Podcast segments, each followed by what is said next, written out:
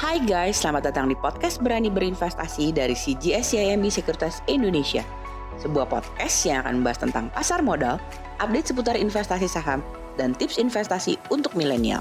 Buat kamu semua yang penasaran, stay tune terus ya di podcast Berani Berinvestasi dari CGS YMB Sekuritas Indonesia.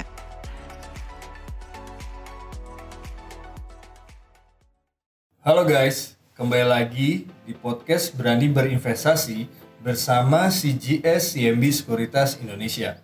Kali ini saya Kevin Utabarat dan Fani Suherman selaku Retail Research Analyst dari CGS CMB Sekuritas Indonesia yang akan berbicara tentang review result second quarter 2020 dan sektor apa yang paling menarik. Oke, kalau kayak gitu kita langsung aja ya. Halo Van, apa kabar? Kev, baik. Oke, Van, uh, saya mau nanya nih, kalau kita lihat nih kan yang lagi in dan ditunggu-tunggu kan sekarang adalah vaksin corona ya. Bener banget nih Kev.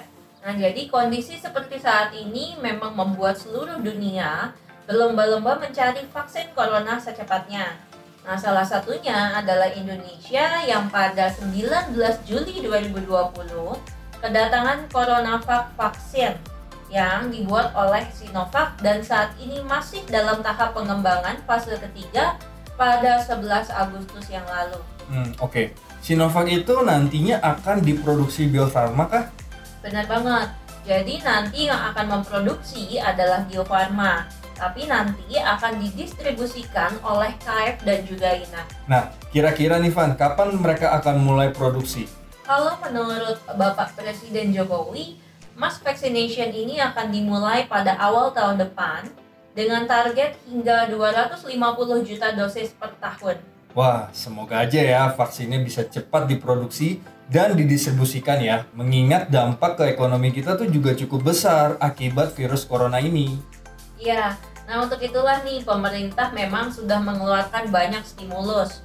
Contohnya dengan adanya skema burden sharing antara Bank Indonesia dan juga Kementerian Keuangan yang menghilangkan ketidakpastian funding state budget.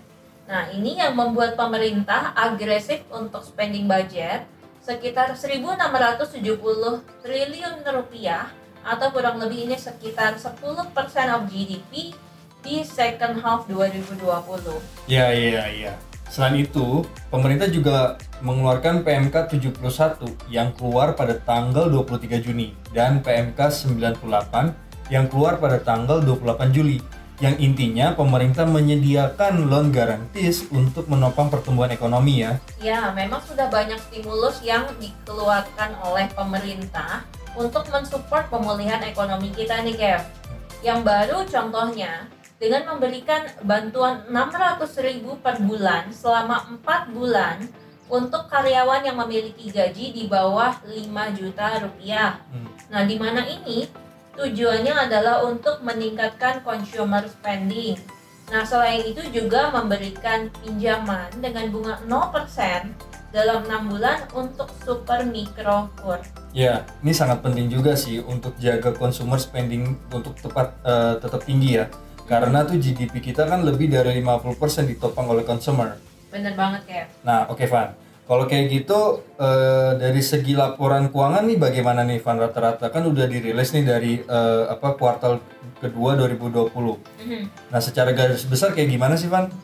Nah, kalau di second quarter 2020 ini corporate revenue turun 16% year on year. Hmm. Sedangkan untuk aggregate core earnings ini turun 53% year on year. Di mana ini kemungkinan adalah the worst level sejak 1998 atau 1999 Asian Financial Crisis. Nah, dari 49 perusahaan yang kami tracking, mm -hmm. 80% mengalami kontraksi earnings dan 27% membukukan net loss. Oke. Okay. Nah, sektor yang kelihatan paling terpukul apa aja, Pak? Nah, sektor yang paling terpukul ini adalah banks, mm. uh, yaitu minus 66% year on year. Kemudian ada auto, minus 114% year on year dan juga retail minus 187% year on year. Hmm. Nah, sedangkan yang paling tidak terdampak oleh efek COVID adalah telco ini plus 15% year on year. Hmm. Kemudian consumer staples minus 15% year on year dan juga media Hmm. minus 24% year on year. Nah, result ini sebenarnya sudah sesuai dengan estimasi atau lebih buruk dari estimasi analis sebelumnya. Nah, kalau dari 49 perusahaan hasil tracking kami, 47% ini membukukan inline results, Hmm. tapi 41% miss forecast kami dan 12% baru di atas ekspektasi. Oke, yang resultnya eh, yang resultnya surprise dari sektor apa aja nih Van? Biar teman-teman juga tahu. Oke, untuk negatif surprise-nya, sebagian besar itu ada di sektor properti, Hmm. retail, dan juga hospital. Nah, tapi yang pasti nih, Kev, Ya. dengan adanya reopening ekonomi pada 5 Juni lalu, diharapkan akan mendorong earnings recovery di third quarter 2020 yang disupport oleh kenaikan signifikan dari auto sales di Juni yang naik 100% month on month dan juga PMI itu eh, naik 8% month on month. Oke Van. Semoga ya ekonomi kita nih bisa cepat pulih lagi ya. Nah terakhir nih Van, yang pasti eh, paling ditunggu-tunggu nih oleh teman-teman juga. Kira-kira nih sektor apa yang eh, masih oke untuk bulan September ini? Nah, kalau kita lihat eh, dari segi result kemarin ya, kayak yang paling tidak terdampak oleh adanya COVID ini salah satunya adalah sektor media. Nah, selain itu kalau kita bandingkan dari sisi target price consensus di Bloomberg, Hmm. saham sektor media ini juga potensial returnnya masih cukup besar. Nah contohnya saham apa nih Van? Nah, misalnya kita lihat MNCN dan juga SCMA. MNCN ini memiliki potensial return sekitar 45,6% dari harga penutupan 31 Agustus 2020. Hmm. Nah, senja- sedangkan untuk SCMA ini memiliki potensial return sekitar 19% dari penutupan 31 Agustus 2020. Hmm. Nah, sedangkan kalau kita bandingkan dengan target price dari CIMB Hmm. untuk MNCN target price di 12.50 Hmm. atau potential return sekitar 40% Ya. dan untuk SCMA target price di 2000 dengan potensial return sekitar 61% dibandingkan dengan harga penutupan 31 Agustus 2020. Sip sip. Potensial returnnya masih cukup oke ya berarti ya. Bener Kev?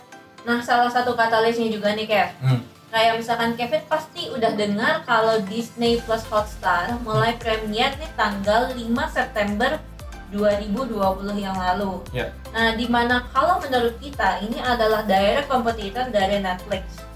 Nah, mereka ini melakukan kerjasama eksklusif dengan Telkomsel. Di mana kalau kita melakukan pre-order di tanggal 21 Agustus sampai dengan 3 September yang lalu, itu mereka dapat harga promosi 15.000 per bulan Hmm. atau 30.000 untuk 3 bulan.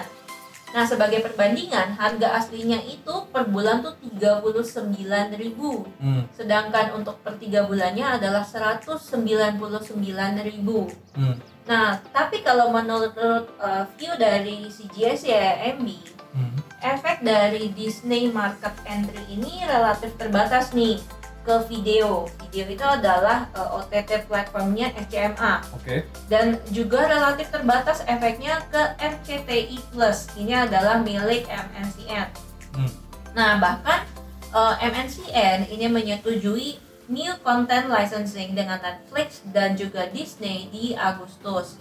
Serta mereka melihat bahwa net content revenue growth di third quarter 2020 ini akan kurang lebih sama seperti di second quarter 2020 yakni 54% year on year. Oke. Semoga aja nih bisa menjadi alternatif ya buat eh, investasinya teman-teman. Thanks infonya Van. Sama-sama Nah, gimana guys podcast kita hari ini? Seru kan? Dan buat kalian semua, sampai jumpa lagi di podcast Berani Investasi selanjutnya ya. Supaya kalian semakin berani untuk berinvestasi. Kalau nggak dimulai dari sekarang, kalian mau mulai berinvestasi kapan lagi? See ya! Bye.